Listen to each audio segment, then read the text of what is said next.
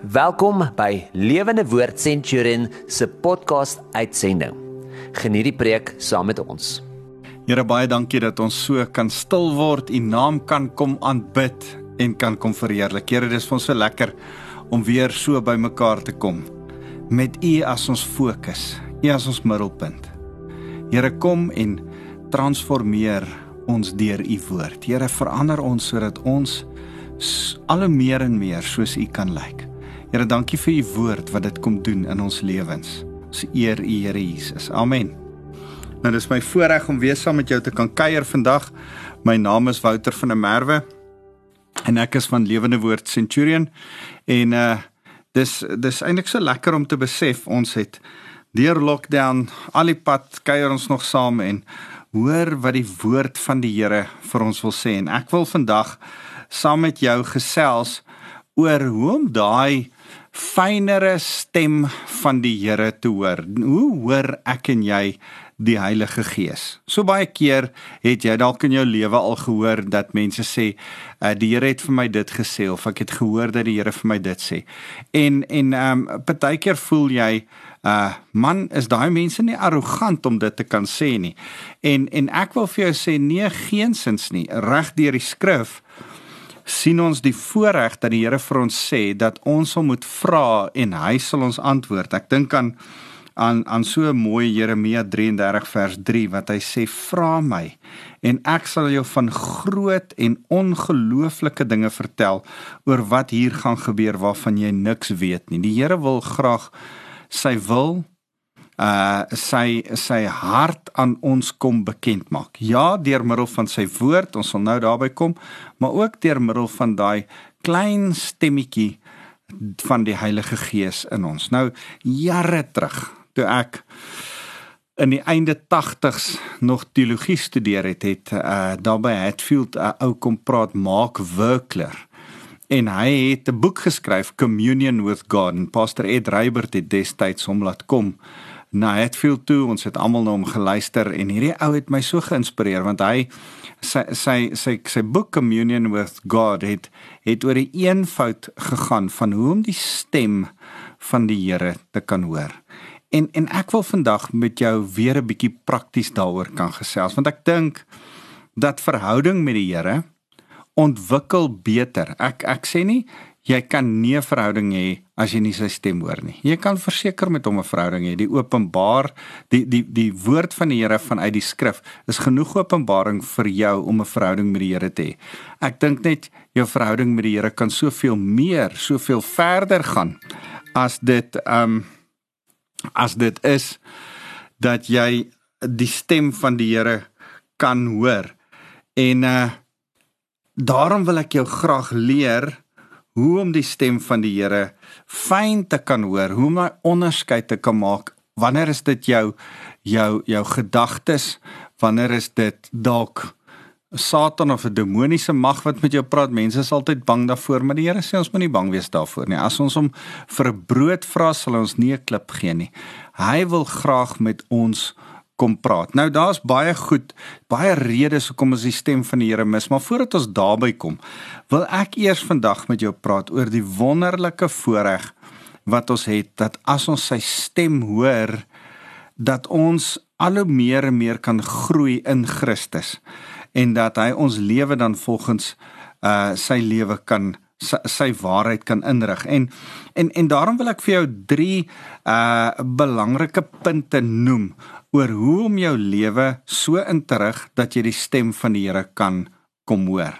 Uh, ek sal later met jou praat oor praktiese reëls van hoe jy die stem van die Here beter kan leer hoor, hoe leer leer ken.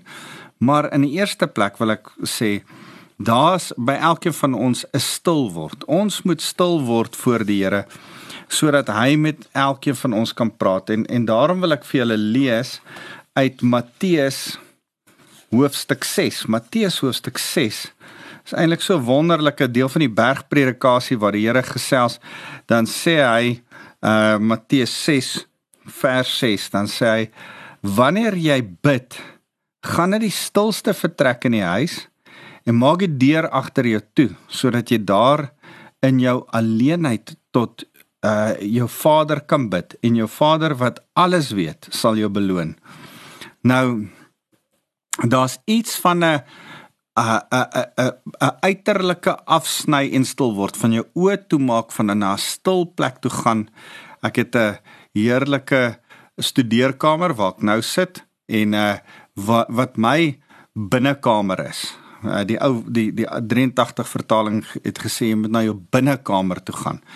Uh en en en daar's iets van na 'n plek weg van ander mense, weg van jou TV, weg van jou telefoon met WhatsApp en Facebook en allerlei ander goed wat jou kan aandag aftrek. Kom weg van alles af en gaan een kant toe. Vir my is dit ook lekker om in die natuur te wees en partykeer net in die bos in te stap en elders op 'n klip te gaan sit en alleen waar niks my aandag kan aftrek nie met die Here te, te kan gesels. So Die eerste ding wat ek vir jou wil sê is hoe om die stem van die Here te hoor is jy moet willens en wetens 'n besluit maak om een kant toe te gaan. Jouself een kant te sit, weg van tegnologie, weg van geselskap, weg van inmenging, weg van lawaai en geraas. Alles uiterlike stemme. Maar dan is daar ook 'n dissipline van 'n innerlike uh, stil word wat moet gebeur en ek wil Psalm 46 vir jou lees. Psalm 46 uh vers Psalm 46 vers vers uh 10 sê uh so dis so 'n mooi gedeelte wat praat van stil word. Psalm 46 vers 10 sê dat uh, vers 11 wees stil en weet ek is die God. Uh Psalm 62 vers 2 en 5 sê dieselfde. Daar's 'n plek vir stil word en weet dat die Here God is. Nou daai wees stil en weet dat ek die Here is is 'n innerlike stil word. So jy moet van buite af al die geraas stop. Jy moet kies om na 'n plek van stilte toe te gaan.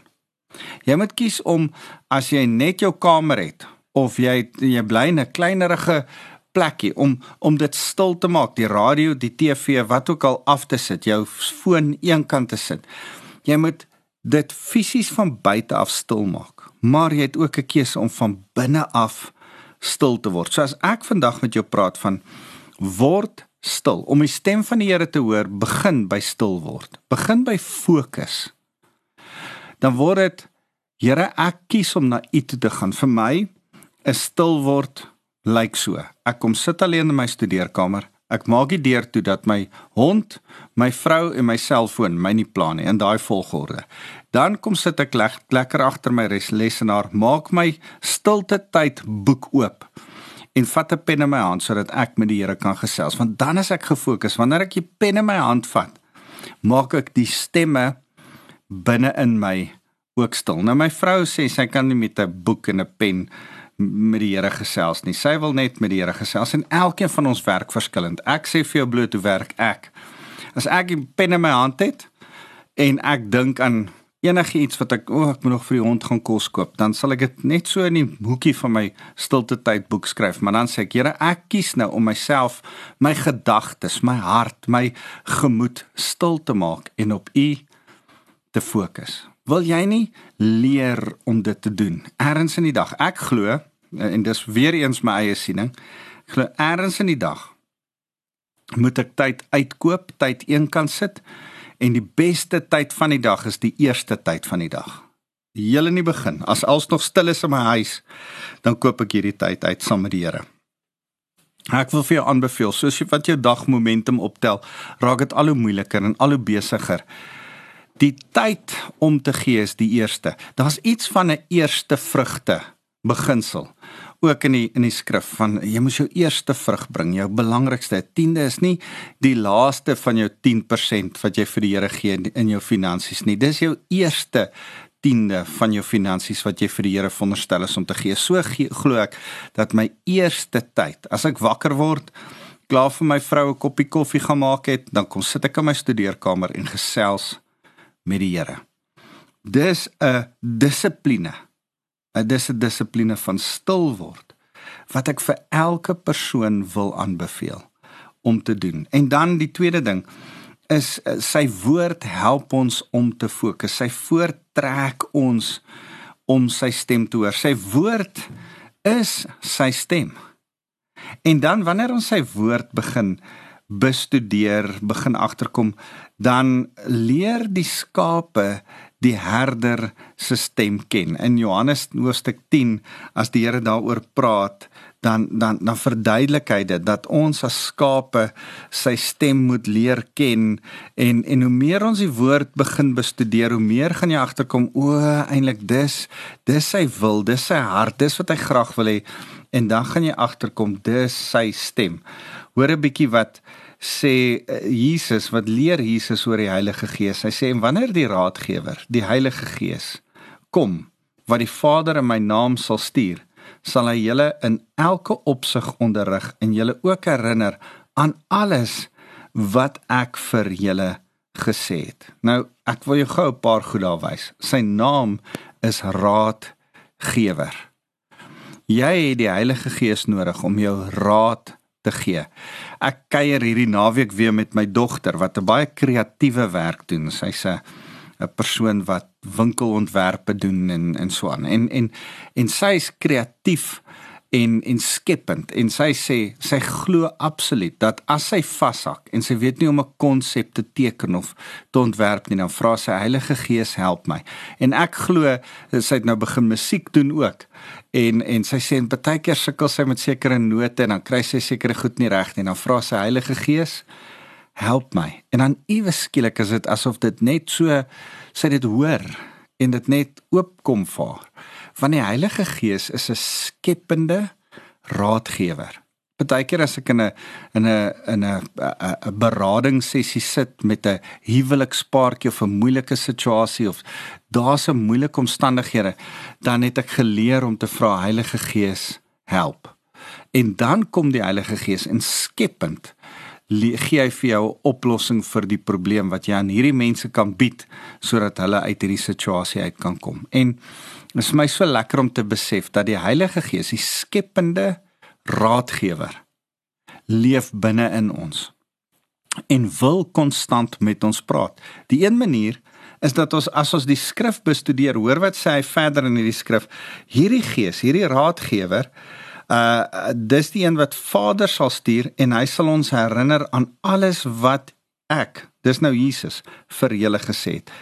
Die uh, die die Heilige Gees herinner ons aan alles wat Jesus ges, gesê het. Die woorde van Jesus Jesus is die woord van God. So die woorde van Jesus is opgeteken in die Bybel. En en soms soos wat jy die Bybel leer ken en lees dan kom jy in situasies dan besef jy Ah, nou is daai skrif iewes skielik in my gedagtes, want dan herinner die Heilige Gees jou aan daai spesifieke skrif wat van toepassing is vir hierdie spesifieke situasie. Jy loop in 'n probleem vas by jou werk en jy kan nie verstaan nie. En dan herinner die Here die skrif. Hy maak die skrif in jou wakker. Dit dit dit wel in jou op. Dit kom dis soos soos modderwater wat eh, as as jy dit so bietjie begin skin dan kom hy onderste modder op. Dis daai daai woord wat in jou is word geskit en kom op binne in jou vir die regte omstandighede. En en ek wil jou aanbeveel Jy het nodig om daagliks die woord van God te bestudeer, want op die regte tyd haal die Here die woord uit. My ervaring is dat soos wat ek die woord bestudeer, is dit in die laaste 2, 3, 4 dae se stilte tyd woordstudie wat ek uit die skrif uit bestudeer het. Ek het 'n gebruik dat ek elke dag 'n hoofstuk van die Bybel lees. En en soos wat ek daai hoofstuk lees, in die volgende 2 of 3 dae gebeur daar goed in my lewe. Uh gebeur daar beradingssessies vandag weer met sendelinge wat ek juis die hoofstuk wat ek ver oggend gelees het kan aanhaal in die situasie waarna ons nou oor gesels wat nou van toepassing is. Dis nie toevallig nie.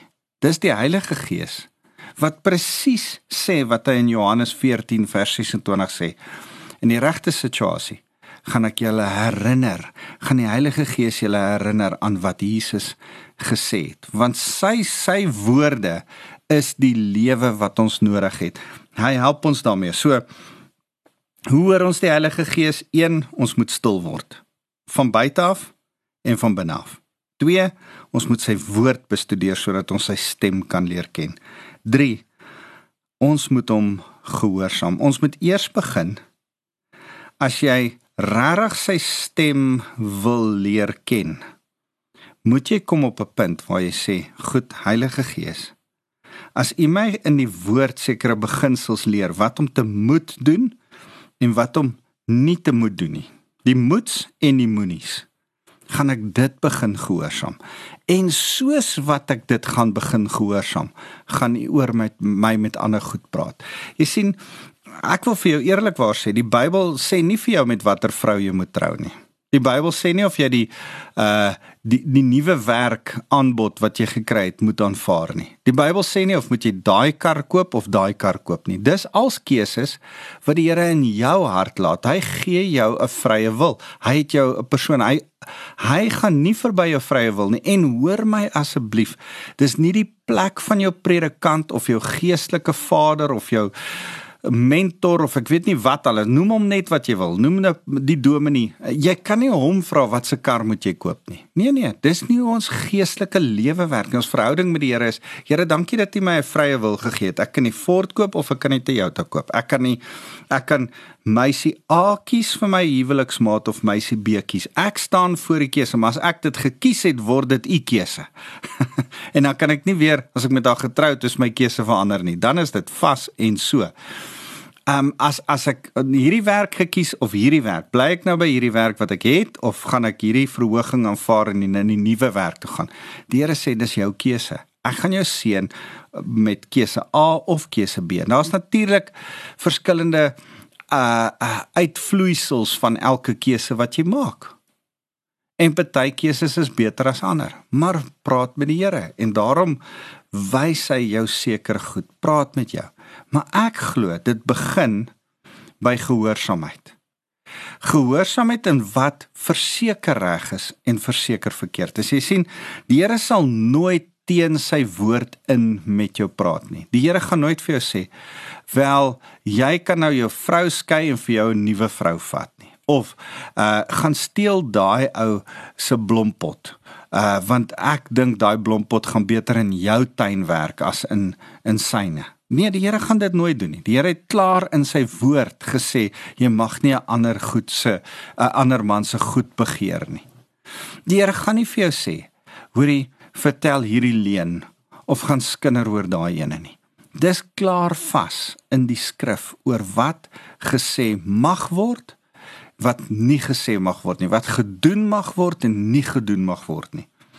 En daarom moet ons dit bestudeer ek en jy moet studente van die woord word. Hoor 'n bietjie wat sê Psalm 37 vers 3. Die Here bepaal die rigting van 'n mens met wie se lewe hy tevrede is. Al sou so een struikel, hy sal nie val nie, want die Here hou sy hand vas. Kan die Here tevrede wees met jou? Kan daar 'n 'n ding wees wat jy sê ek hoor wat die Here sê en daarom is ek te, is hy tevrede met my en daarom bepaal hy my lewe, my hele lewe.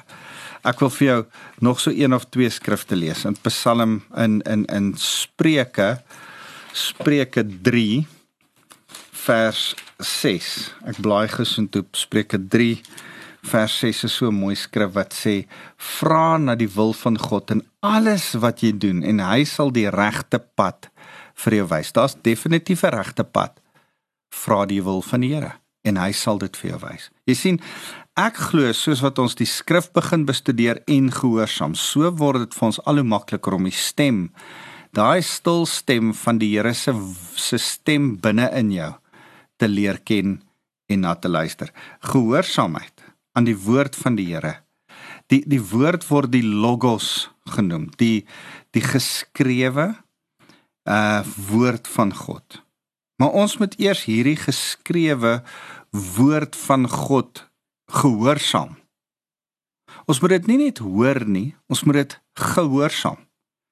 Voordat God sy rema woord, sy openbaringskennis vanuit hierdie woord in ons harte kom oopmaak, kom oopbreek sodat ons meer kan leer daaruit. Ek word altyd so opgewonde om te besef die Here wil dit vir die hele woord vir ons oopbreek. Maar dan moet die stukkies wat ek en jy alreeds verstaan, dan moet ons dit gehoorsaam. Jy sien, daar's daar's drie tipes kommunikasie wat ek vinnig by jou wil vasmaak. Daar's lineêre kommunikasie. Dis wat ek nou met jou doen. Ek praat, jy luister. Dis dis lineêre kommunikasie. Dis eintlik die eenvoudigste uh Ja, eenvoudigste manier van kommunikeer, nie die mees effektiefste kommunikeer manier van kommunikeer nie, maar wel die eenvoudigste. Dan is daar interaktiewe kommunikasie waar jy praat en en en en en ek luister en dan praat ek en jy luister. Is net 'n 'n 'n goeie oppervlakkige gesprek met mekaar. Maar wat die Here ons eintlik wil hê is wat hulle noem transactional communication. Is waar my kommunikasie met jou so is dat ek weer na jou sal luister want dit beïnvloed dit wat jy sê beïnvloed wat ek hoor en wat ek weer vir jou terug gaan sê. Dis intelligente kommunikasie. Met ander woorde, dis nie 'n uh, 'n uh, net 'n gewone oppervlakkige geselskap nie. Jou jou terugkommunikeer verander my, my terugkommunikeer verander jou en en so gesels ons met mekaar. Dis 'n input kommunikasie, 'n intelligente input kommunikasie wederzijds. Nou, die wonderlike ding is ek en jy kan nie die Here verander nie maar hy kan my en jou so verander dat ons volgende goed wat ons vir hom bid of dink anderste is as wat ons noodwendig was in ons eerste kommunikasie met hom. Dink so 'n bietjie daaraan. So, as ek jou vinnig die prentjie kan gee, lineêre kommunikasie is een streepie met 'n pyltjie net na die mense toe. Ek praat met julle. Interaktiewe kommunikasie is 'n streepie met twee pyltjies. Jy praat met my, ek praat met jou. Maar uh, transactional communication waar ons mekaar beïnvloed. Dit is amper soos 'n sirkel. My bogie loop na jou toe. Dit beïnvloed jou en jou bogie kom weer na my toe. En so, dis die kommunikasie wat ons ook met die Heilige Gees moet hê. Dis spankommunikasie. Dis hoe ons met mekaar moet moet kommunikeer is invloed, intelligente invloed in mekaar se lewe, maar dis ook hoe die Heilige Gees met ons wil kommunikeer. So, wat verhoed ons om so te kommunikeer? Ek wil vinnig by jou stil staan. En ek wil hê jy moet saam met my blaai na hierdie interessante gedeelte in uh Esegiel hoofstuk 14. Ek lees dit vir jou uit die ou Afrikaanse vertaling. Hy sê mensekind, hierdie manne het hulle drekgode in hulle hart opgeneem en die struikelblok tot hulle ongeregtigheid voor hulle aangesig neergesit. En en sou ek my dan werklik deur hulle la, laat raadpleeg. Nou laat ek jou net gou sê wat's hierdie drekgode. Nou drekgode is nou iets wat ek nou nie vir jou in mooi Afrikaans ehm um, mooi kan beskryf nie want dis Ja, hoe kan ek dit nou mooi sê in Afrikaans? Poef, gode. Uh ek wil dit amper nie eers oor die radio sê nie. Uh maar dis dis die dis die beeld wat Esegiel probeer skep. Hy hy noem 'n Hebreëse woord hier wat as hulle oor afgode praat, gebruik hulle nooit op 'n ander plek as in een keer in Levitikus, een keer in Deuteronomium en altyd in Esegiel hierdie hierdie beeld van afgode nie. Esegiel noem nie net afgode afgode nie. Hy noem hulle drekgode. Dis 'n vieslike, vuil, ronde ding wat stink. Nou nou dis presies die beeld wat Esegiel wil vasmaak. 'n Afgod is 'n ronderige, vuil, bruin ding wat stink. Esegiel wil jou laat dink aan waarna jy nou dink en en en sê dis wat 'n afgod is. Jy sien Esegiel se dilemma was in dieselfde tyd wat Jeremia geprofeteer het oor Israel het Esegiel geprofeteer. Dieselfde tyd wat Daniël, 'n jong man weggevoer is deur die Babiloniërs. Jerusalem is ingeval deur Nebukadneser. 'n klomp mense, onder andere Esegiel en Daniël, Sadrag, Mesig en Abednego is weggevoer na Babilonie toe. Esegiel, 'n jong man wat uit 'n priesterlike herkoms uitkom, uh sit op 'n oewer van 'n rivier en ontvang openbarings van die Here. Hy bly heeltemal in 'n ander plek En nou kom daar ander mense na hom toe. Hy's so so 30 jaar oud. Daar kom ander mense na hom toe en sê 'n verskriklike eh, slegte ding het in Jerusalem gebeur. Die mense begin in rebellie teen Nebukadneser opstaan. Hulle het die Egiptenare en die Assiriërs gevra om te kom help. En die Assiriërs en die Egiptenare het gesê ons sal kom help, maar nou moet julle julle afgode, ons afgode in julle tempel sit. Toe breek hulle die voordeur van die tempel af en sit die die, die afgod Molech waaraan kinders geoffer word en Chemos en nog so twee of drie ander afgode bou hulle fisies in die tempel van die Here wat altyd net die ark van die Here vir eh, daar gestaan het as die Here se teenwoordigheid. Staan daar toe nou hierdie vuil stink afgode. Nou in die lig daarvan profeteer Esegiel die volgende. Hy sê mensekind hierdie manne het hulle drek gode, hulle afgode, hulle stink vuil vrot afgode in hulle hart opgeneem en 'n struikelblok tot hulle ongeregtigheid voor hulle aangesig neergesit. Dis amper soos wat Paulus later in die Nuwe Testament skryf van julle harte is die tempels van die Heilige Gees. Party mense het sulke drekgode in hulle harttempels. Nou sê hy sou ek my dan werklik deur hulle laat raadpleeg? Hoekom vra hulle my dan as as hulle afgode het? Hoekom kom vra hulle my raad? Daarom spreek met hulle Esegiel en sê vir hulle: So spreek die Here, Here. Elke man uit die huis van Israel wat sy drekgode in sy hart opneem en die struikelblok tot sy ongeregtigheid voor sy aangesig neersit en na die profeet toe kom. Met ander woorde, as jy afgod het en my dan kom vra wat om te doen. Ek die Here sal hom daarvolgens volgens sy drekgode volgens sy menigte drekgode antwoord gee sodat ek die huis van Israel in hulle hart kan gryp omdat hulle almal deur hulle drekgode hulle van my afgewend het. So wat die Here hier sê is as jy met vooropgestelde afgods idees na my toe kom, dan gaan ek jou antwoord volgens daai afgod idees dan gaan jy hoor wat jy wil hoor, nie hoor wat die Here vir jou sê nie. Dis dis amper soos as ons asof ons na die Here toe kom en sê, Here, ek moet mos ek moet hierdie nuwe kar koop, nê? Nee. Uh Here, hierdie nuwe paar skoene. Uh dis baie mooi. U wil mos sê ek moet hulle koop, nê? Nee. Oor jy het klaar jou mind opgemaak. Jy forceer die Here om te sê wat hy wil hoor. En, en weet jy wat? Dit klink baie simpel en ek ek gebruik 'n simplistiese voorbeeld, maar ons doen dit op verskillende komplekse maniere elke dag. Kom ons met ons vooropgestelde drek gode, vooropgestelde nagemaakte goedjies voor die Here. Ons hoor, maar ons gehoorsaam nie. Ons hoor net wat ons graag wil doen. Ons hoor maar gaan hardkoppig in 'n ander rigting. En ek wil vir jou sê, dan gaan jy nie die stem van die Heilige Gees hoor nie. Die Heilige Gees is 'n gentleman. As jy nie vir hom wil luister nie, gaan hy hom nie afforceer op jou nie. Hy gaan jou nie dwing om na hom te luister nie. Hy gaan net wil hê dat as jy hom hoor, hoor jy hom.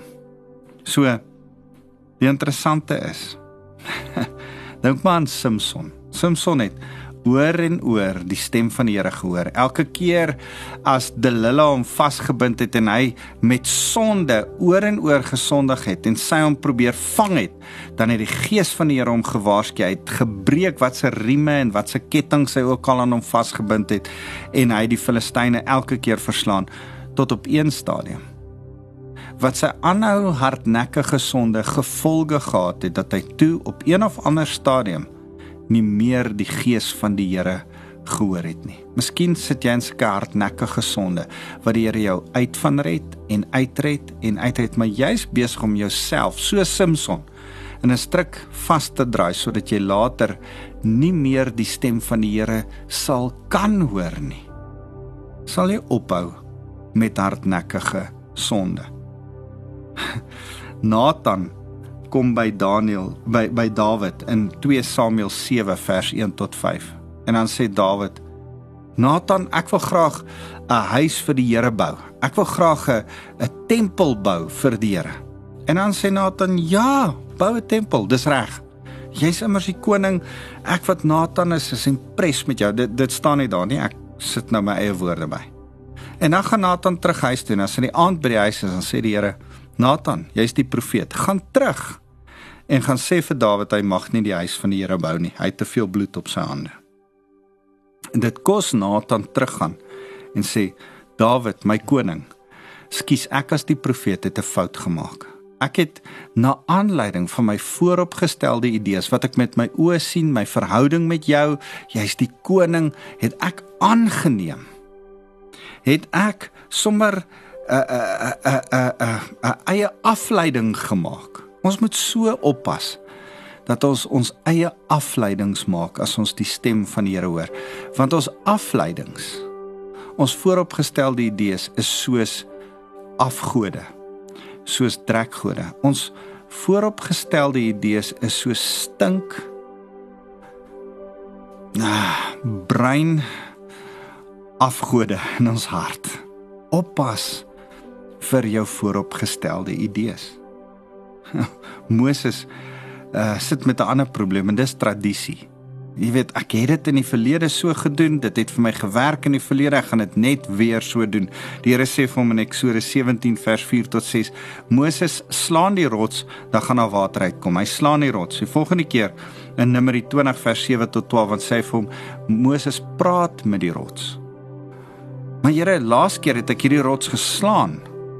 Nee nee, ek wil hê nou moet jy met hom praat. Die simboliek daarvan Jesus was geslaan en die Heilige Gees het gekom. Nou in my en jou lewe hoef ons nie weer Jesus te slaan, te kruisig nie. Ek en jy kan hom net vra, net met hom praat, dan kom die Heilige Gees, die water, die lewende water. So in hierdie hele simboliek kom sê die Here, Moses, bring dit volgens hy. Jy hoor en ek sê, Jesus, God steeds opmaak. Nie. Kom ek en jy kom vir die en sê verwyder enige afgod in ons hart. Here, ons kom nou na U toe en sê Here, mag ons nie op ons manier kom luister nie, maar kom stil word en die woord kom bestudeer en kom hoor op 'n vars nuwe manier wat u en hoe u dit vir ons wil sê. Ons eer u Here Jesus.